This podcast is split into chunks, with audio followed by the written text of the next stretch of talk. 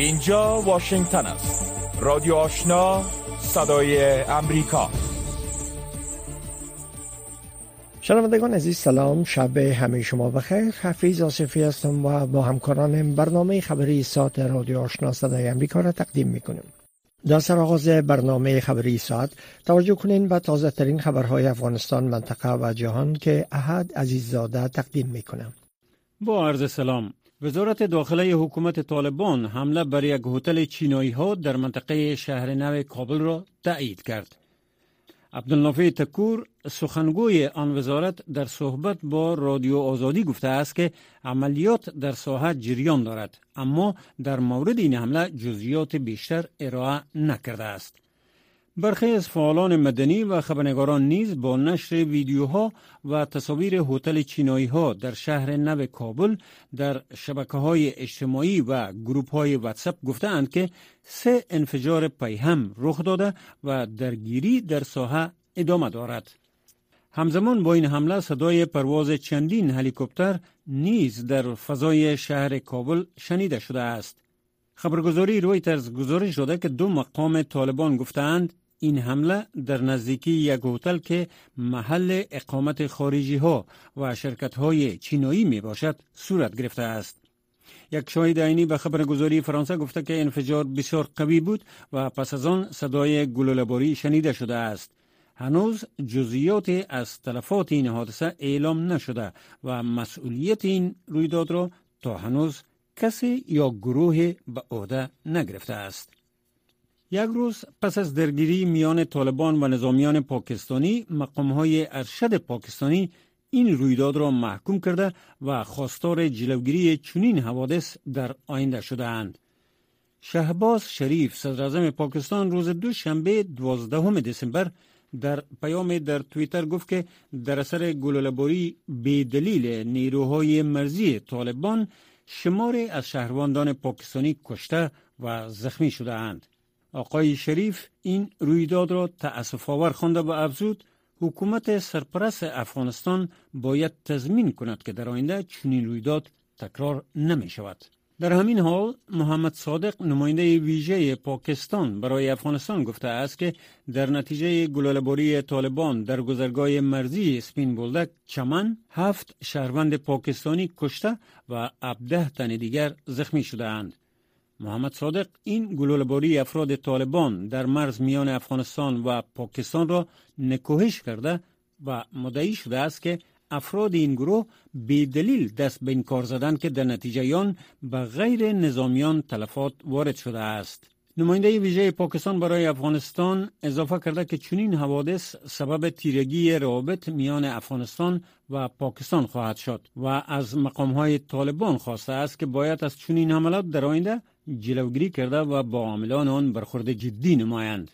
حدود دو هفته پس از حمله مسلحانه بر سفارت پاکستان در کابل سفیر چین از مقامهای حکومت طالبان خواسته است که برای تأمین امنیت نمایندگی سیاسی آن کشور در افغانستان تلاش کنند جزیات بیشتر از نسرین محمود عزیزی عبدالقهار بلخی سخنگوی این وزارت با نشر خبرنامه از دیدار وانگ سفیر چین در کابل با شیر محمد عباس استانگزه معین سیاسی وزارت خارجه حکومت طالبان خبر داده است. در خبرنامه آمده است که سفیر چین از امنیت سراسری در افغانستان اظهار خرسندی نموده و خواستار توجه بیشتر امارت اسلامی در تأمین امنیت نمایندگی سیاسی این کشور در کابل شده است. و گفته وزارت خارجه حکومت طالبان ستانکزی و سفیر چین در کابل اطمینان داده که تأمین امنیت نمایندگی های سیاسی کشورها در افغانستان در اولویت آنها قرار دارد. سفیر چین در کابل در حال بر تأمین امنیت سفارت آن کشور در کابل تأکید کرده که دو فرد مسلح داعش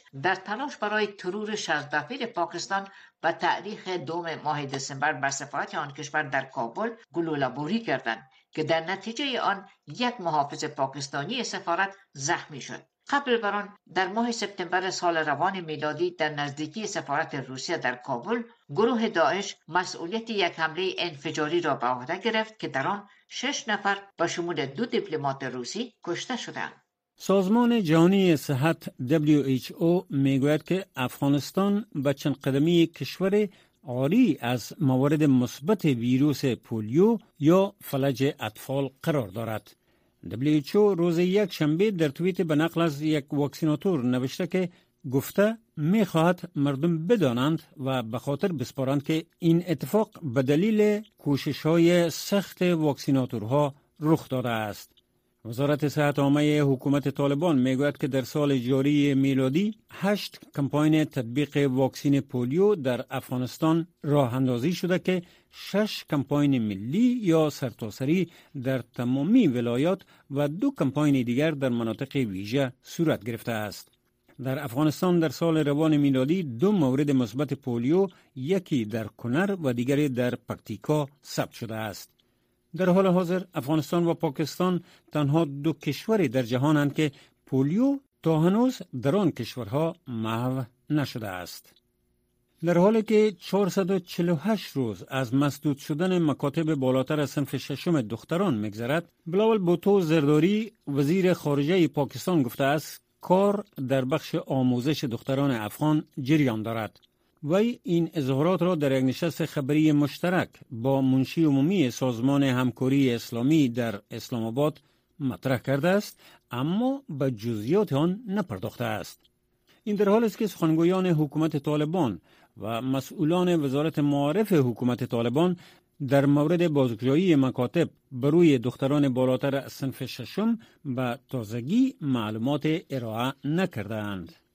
خبرهای منطقه و جهان را از رادیو آشنا صدای امریکا میشنوید. ایران دومین حکم اعدام مرتبط به تظاهرات جاری در آن کشور را تطبیق کرد.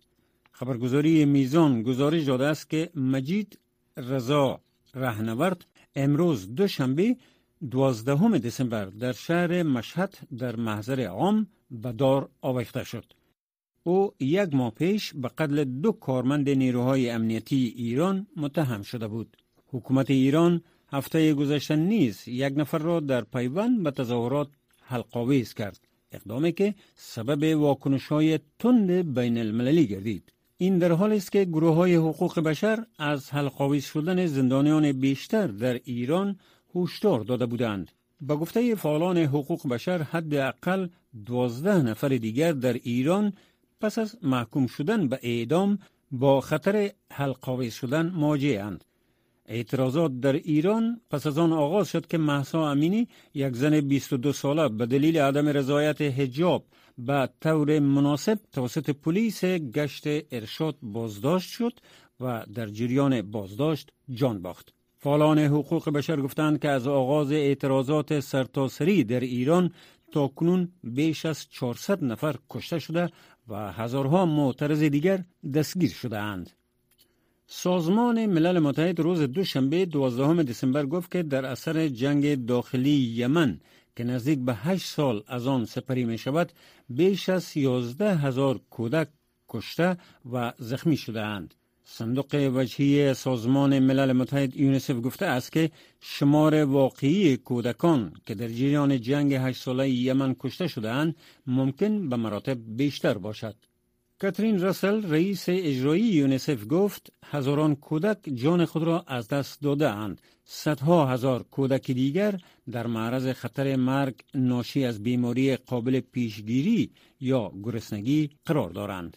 او افزوده که نزدیک به دو اشاره دو میلیون کودک یمنی به شدت دچار سوی تغذیه هستند که 25 درصد آنها زیر 5 سال سن دارند.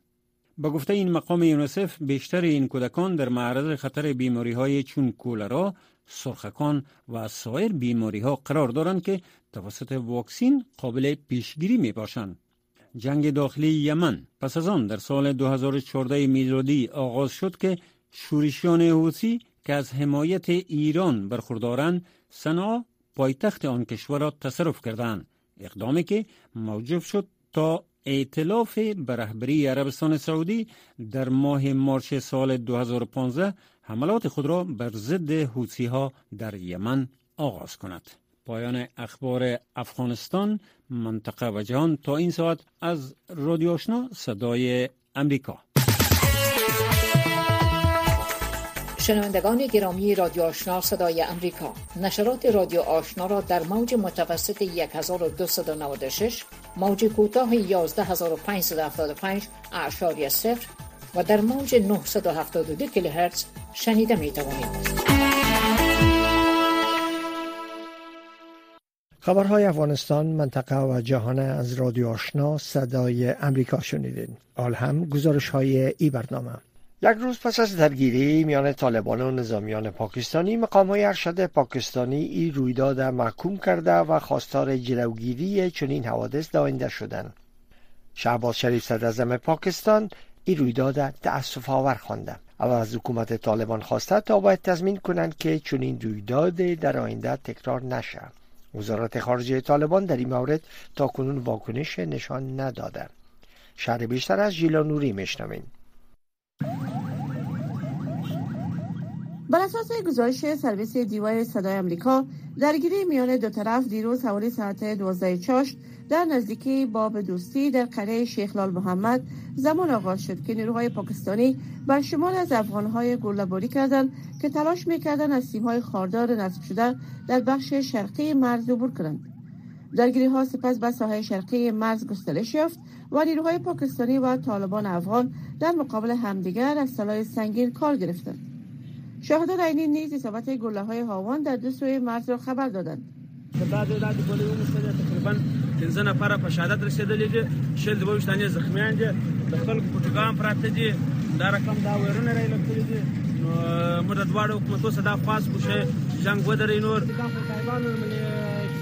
فوجان جنگو و مرمر را پتا پتا کوم مشکل دا چلر ور واسه نور مبلم دي مشکل عام خلک په وخت کې مشکل ګورګای ډیر خلک زخمیان عام خلک شهباز شریف سرازم پاکستان گلهباری توسط افراد طالبان را در گذرگاه مرزی اسپین بولدک چمن به دلیل خوانده و از حکومت طالبان خواست تا تضمین کند که در آینده چنین رویداد تکرار نمی شود محمد صادق نماینده ویژه پاکستان برای افغانستان نیز در پیام در توییتر این گلهباری افراد طالبان در مرز میان افغانستان و پاکستان را نکوهش کرده و مدعی شده است که افراد طالبان به دلیل دست به این کار زدند که در نتیجه آن و غیر نظامیان تلفات وارد شده است. بر اساس اظهارات نماینده ویژه پاکستان و افغانستان در گلهباری روز یکشنبه هفت شهروند پاکستانی کشته و هفده تن دیگر زخمی شدند.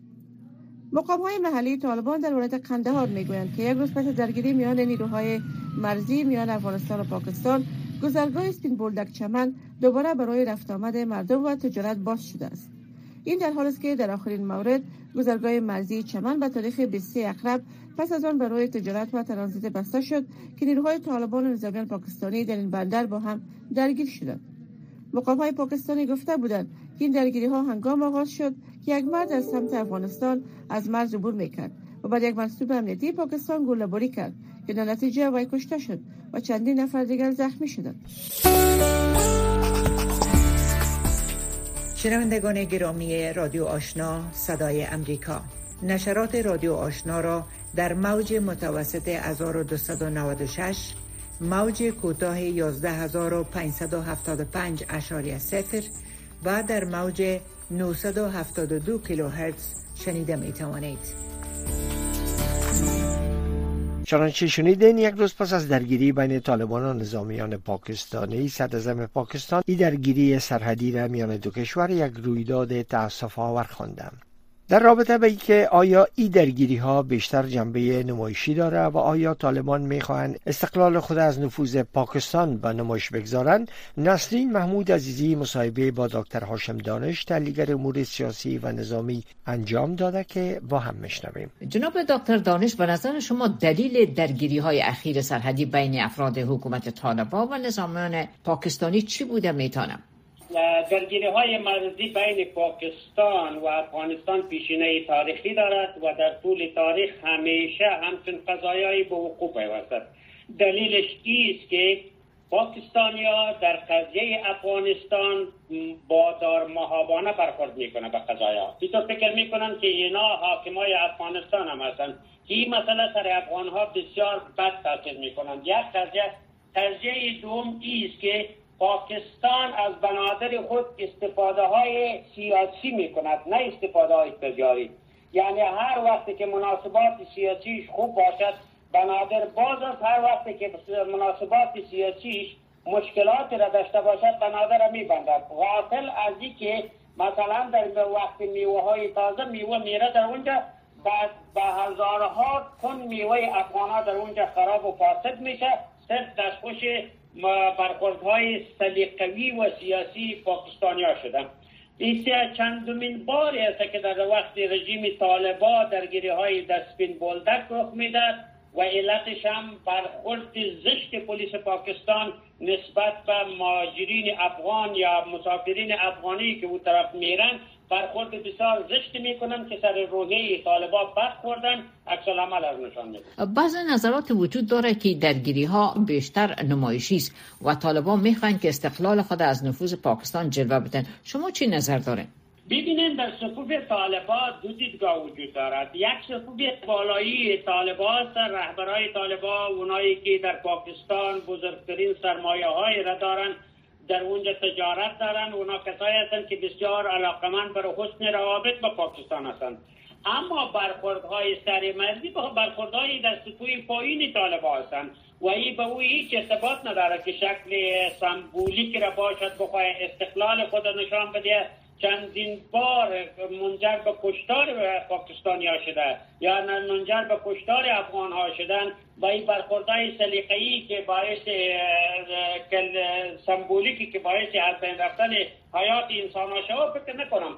اما در مجموع یک دیدگاه بسیار بد نسبت به پاکستان وجود دارند و حتی در درون طالبا پاکستان را عامل تبایی و بدبختی جنگای چل سه ساله را پاکستان را می‌دانند تمام افغان ها به یک صدا و من جمله یک صدا طالبا هم به هم یک هستند یک سوال آخری که از آغاز تسلط طالبا بر افغانستان چرا طالبا در رابطه به خط مرزی دیورند اظهارات نکردن؟ دلیلش است که بسیاری از رهبرای طالبا تا هنوز هم وابستگی های زیادی را به پاکستان دارند هنوز هم بسیاری از اینا دساتیر را از پاکستان می‌گیرن. سرمایه هایشان اونجا هستند و باجا فامیل هایشان در همونجا هستند به هیچ عنوانی و اینا طالبا خود مدیون کشور پاکستان البته رهبری طالبا می‌دانند که در مدت 20 سال پشت جبههشان پاکستان بودن زخمی هایشان و پاکستان می بود در پاکستان بود. مرکز تنویل تجهیز و ترنینگشان پاکستان بود. به این خاطر خود مدیون می‌دانند. به این لحاظ است که در مورد خط دیوران کدام ابراز نظر را نکردن اما اونمو سیمی خاردار متباقی که از حکومت اشرف غنی بر از و میراث مونده اما را هم اجازه ندادن که پاکستانی او کار را دوام بده. به این معنا نیست او پروژه ادامه داره در جاهای مثل تفتان و جاهایی که این خط مرزی هنوز مانده است اجازه سیم خاردار را ندادن. شما شاهد بودین چندین درگیری های را در مرز رباط و تفتان در او ساها بین طالبا و دولت پاکستان به وقوع پیوست. یعنی دیدگاه به شکل متفاوت است. رهبری و سطوح پایینش دیدگاه های متفاوت نسبت به پاکستان دارد. سپاس از وقتتان. رادیو آشنا صدای امریکا هفت روز هفته. خبر و گزارش ها و تحلیل های خبری روز. حدود دو هفته پس از حمله مسلحانه با سفارت پاکستان در کابل سفیر چین از مقام های حکومت طالبان خواسته که برای تامین امنیت نمایندگی سیاسی کشور در افغانستان تلاش کنند. کارشناسا به این نظر هستند که حضور گروه های رو در افغانستان پس از قدرت یافتن طالبان مایه نگرانی اکثر کشورهای منطقه و جان شده. جزیات بیشتر در این گزارش مشنویم وزارت خارجه حکومت طالبان با نشر خبرنامه از دیدار وانگیو سفیر چین در کابل با شیر محمد عباس استانگزی معین سیاسی این وزارت خبر داده است. در این دیدار در کنار سایر مسائل دو جانب بر مسئله تامین امنیت سفارت چین در کابل صحبت کردند. موضوعی که با حمله بر سفارت پاکستان در کابل مایه نگرانی اکثر کشورهایی است که در کابل سفارتشان فعالیت دارد.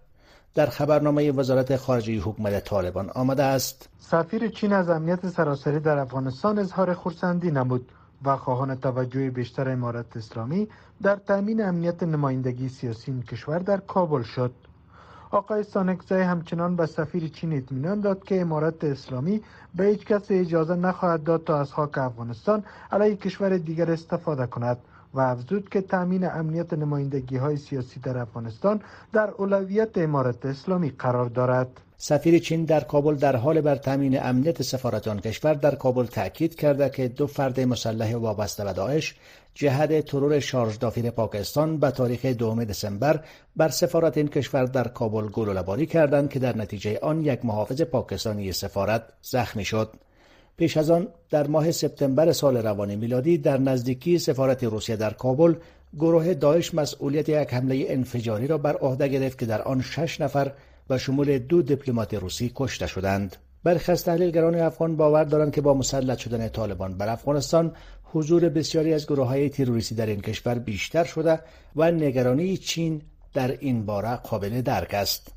داد علیم کارشناس مسائل سیاسی به صدای امریکا گفت که حملات اخیر بر سفارت روسیه و پاکستان در کابل ضعف طالبان در تامین امنیت نهادهای دیپلماتیک در افغانستان را نشان می‌دهد و آنان توان تامین امنیت سفارتخانه های خارجی در کابل و کارمندان آنان را ندارند. آقای علیم افزود هر کدام از جریان های تروریستی یک وابستگی به یکی از استخبارات های منطقه و جهان دارد. شما بهتر می‌فهمید که کشورها در افغانستان منافع متناقض خود دارند. یعنی تضاد منافع کشورهای جهان و منطقه در افغانستان هست. هر کشور و هر جریان در پی تضعیف رقبا و حریفایش در افغانستان هست که از امی جریان های تروریستی استفاده می‌کنه و به علیه منافع رقیب خودش دیگه از او کار می‌گیره و باور این تحلیلگر سیاسی از طالبان به عنوان گروهی که برای دهها گروه تندروی دیگر در داخل افغانستان بسترسازی می کنند توقع تامین امنیت یک نهاد دیپلماتیک کار معقول به نظر نمی رسد. بریاله نصرتی یکی دیگر از تحلیلگران افغان به صدای امریکا گفت که نه تنها چین بلکه بسیاری از کشورهای منطقه با توجه به حضور گروه های تروریستی در افغانستان نگران امنیت سفارتخانه ها و دیپلمات هایشان در افغانستان هستند. اونا احساس می‌کنند که طالبان ساخته شده و بافته شده امریکا و غرب است و آنچه که استراتژی غربی هاست طالبان می‌خوای آیست آیست رو تطبیق کنه بنابراین اینا هم فشارهای خود بسیار به شکل دوستانه بالا از اینا بالا می‌بره تا وقت را که گذران کرده می‌تونه با طالبا گذران می‌کنن در غیر از اگر نتانستن باز وضعیت وخیم را اونا خاط اعتقاص کردن اینمی تندی ها و نرمی ها در بین از اینا خواهد بود شماری از کشورها مانند چین، روسیه، ایران، ازبکستان و پاکستان پس از تسلط مجدد طالبان بر افغانستان سفارتهایشان را در این کشور فعال نگه داشته و همچنان نمایندگان طالبان را در سفارتخانه های افغانستان در آن کشورها پذیرفتند. اما تا کنون هیچ کشوری به شمول چین حکومت طالبان را به رسمیت نشناخته است. اما این کشور پس از خروج نیروهای نظامی ایالات متحده امریکا و فروپاشی حکومت پیشین ظاهرا تمایل ویژه به برقراری روابط دوستانه با افغانستان تحت حاکمیت طالبان دارد.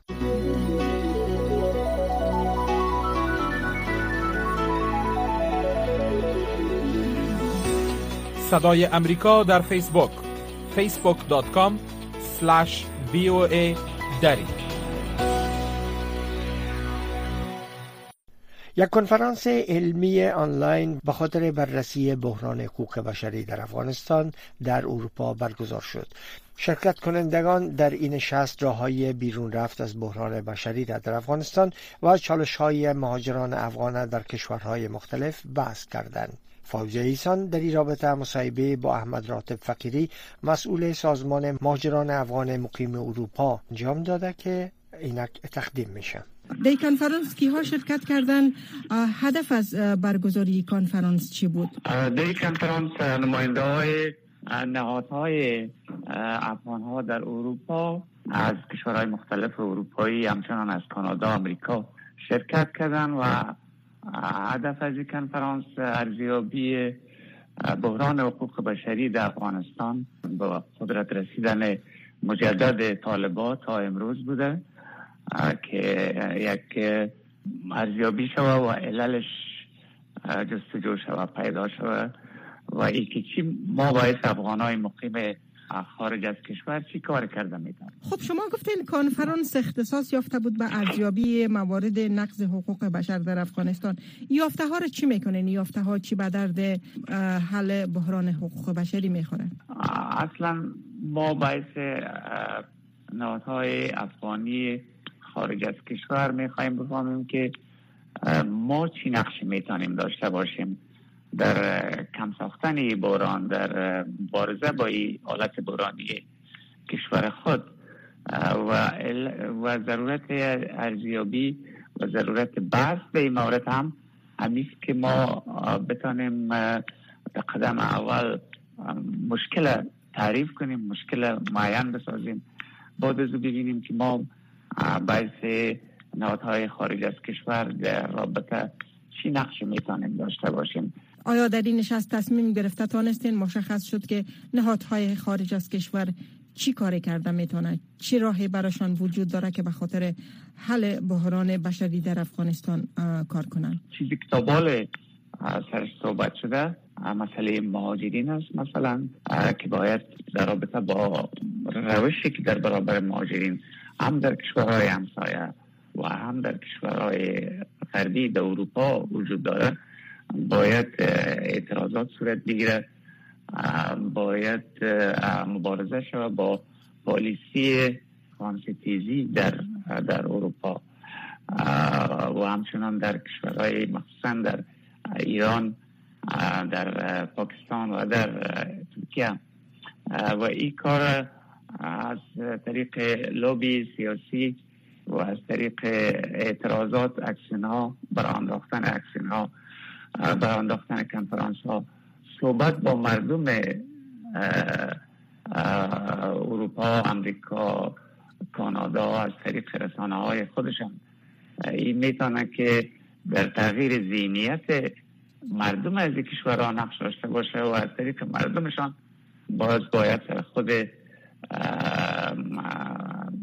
فشار آورده شود سر دولت هایشان تا دولت ها توجه کنند به بحران زدایی یعنی کنفرانس به مسئله مهاجرین در خارج اختصاص یافته بود. شما گفتین ارزیابی مسائل حقوق بشری. آیا افغان هایی که در خارج هستند می‌تونن کاری کنند برای حل بحران حقوق بشری در افغانستان؟ تنها با مسئله مهاجرت هم احساس نداره کنفرانس. مثلا در رابطه با حقوق زن بحث شده هم از نظر اسلامی و شرعی هم از نظر حقوق بشری که آیا اعمال طالبا های طالبا اصولا حق دارن که حقوق زن هم محدود بسازن. آیا طالبا حق دارن که درجه حقوق زن تعیین کنن؟ و حتی حقوق که خداوند بر زن داده او را هم از پیششان بگیرن. همچنان مسئله حقوقی که زنها یا حقوقی که شهروندا در چوکات اعلامی حقوق بشر و دیگه کنوانسیون های ملل متحد دارند و هم مورد بحث قرار گرفت. اما سر مهاجرین تکیه بیشتر شد به خاطر ازی که در مجموع کسایی که در نوادهای خارج کشوری کار می‌کنن خودشان هم زمان پناهنده بودن و مشکلات پناهنده های افغان با گوشت و پوست خود لمس می‌کنن و علاقه دارن که کار دی مورد هم بکنن. آیا پیگیری می‌کنین؟ می بحثایی را که کردین در کانفرانس چگونه اگر؟ بله. بله بر اساس بحث که اینجا میشه از یک قطعنامه در ختم کنفرانس انتشار پیدا می‌کنن و این قطعنامه فرو باعث ارگانی که همی کنفرانس بران داخته تطبیق مواد قطعنامه را مخصوصا بخشی که مربوط به ما باعث نهادهای خارج از کشوری میشه او را تعقیب می‌کنیم. ما می‌تونیم توصیه کنیم به نهادهای دیگه مثلا به اتحادی اروپا می‌تونیم توصیه کنیم به ملل متحد و اینا ولی کنترل از تطبیقش باز او را هم صرف با, با ارسال مکاتب و غیره می‌دانیم. اما تطبیق آنچه مربوط به نهادهای خود ما میشه او را ما می‌تونیم که خود پیش ببریم. شنوندگان عزیز. ای بود داشته های برنامه خبری که در همینجا به پایان رسید. اما نشرات پشتو و دری رادیو آشنا صدای امریکا همچنان ادامه داره. شنونده رادیو آشنا باشید.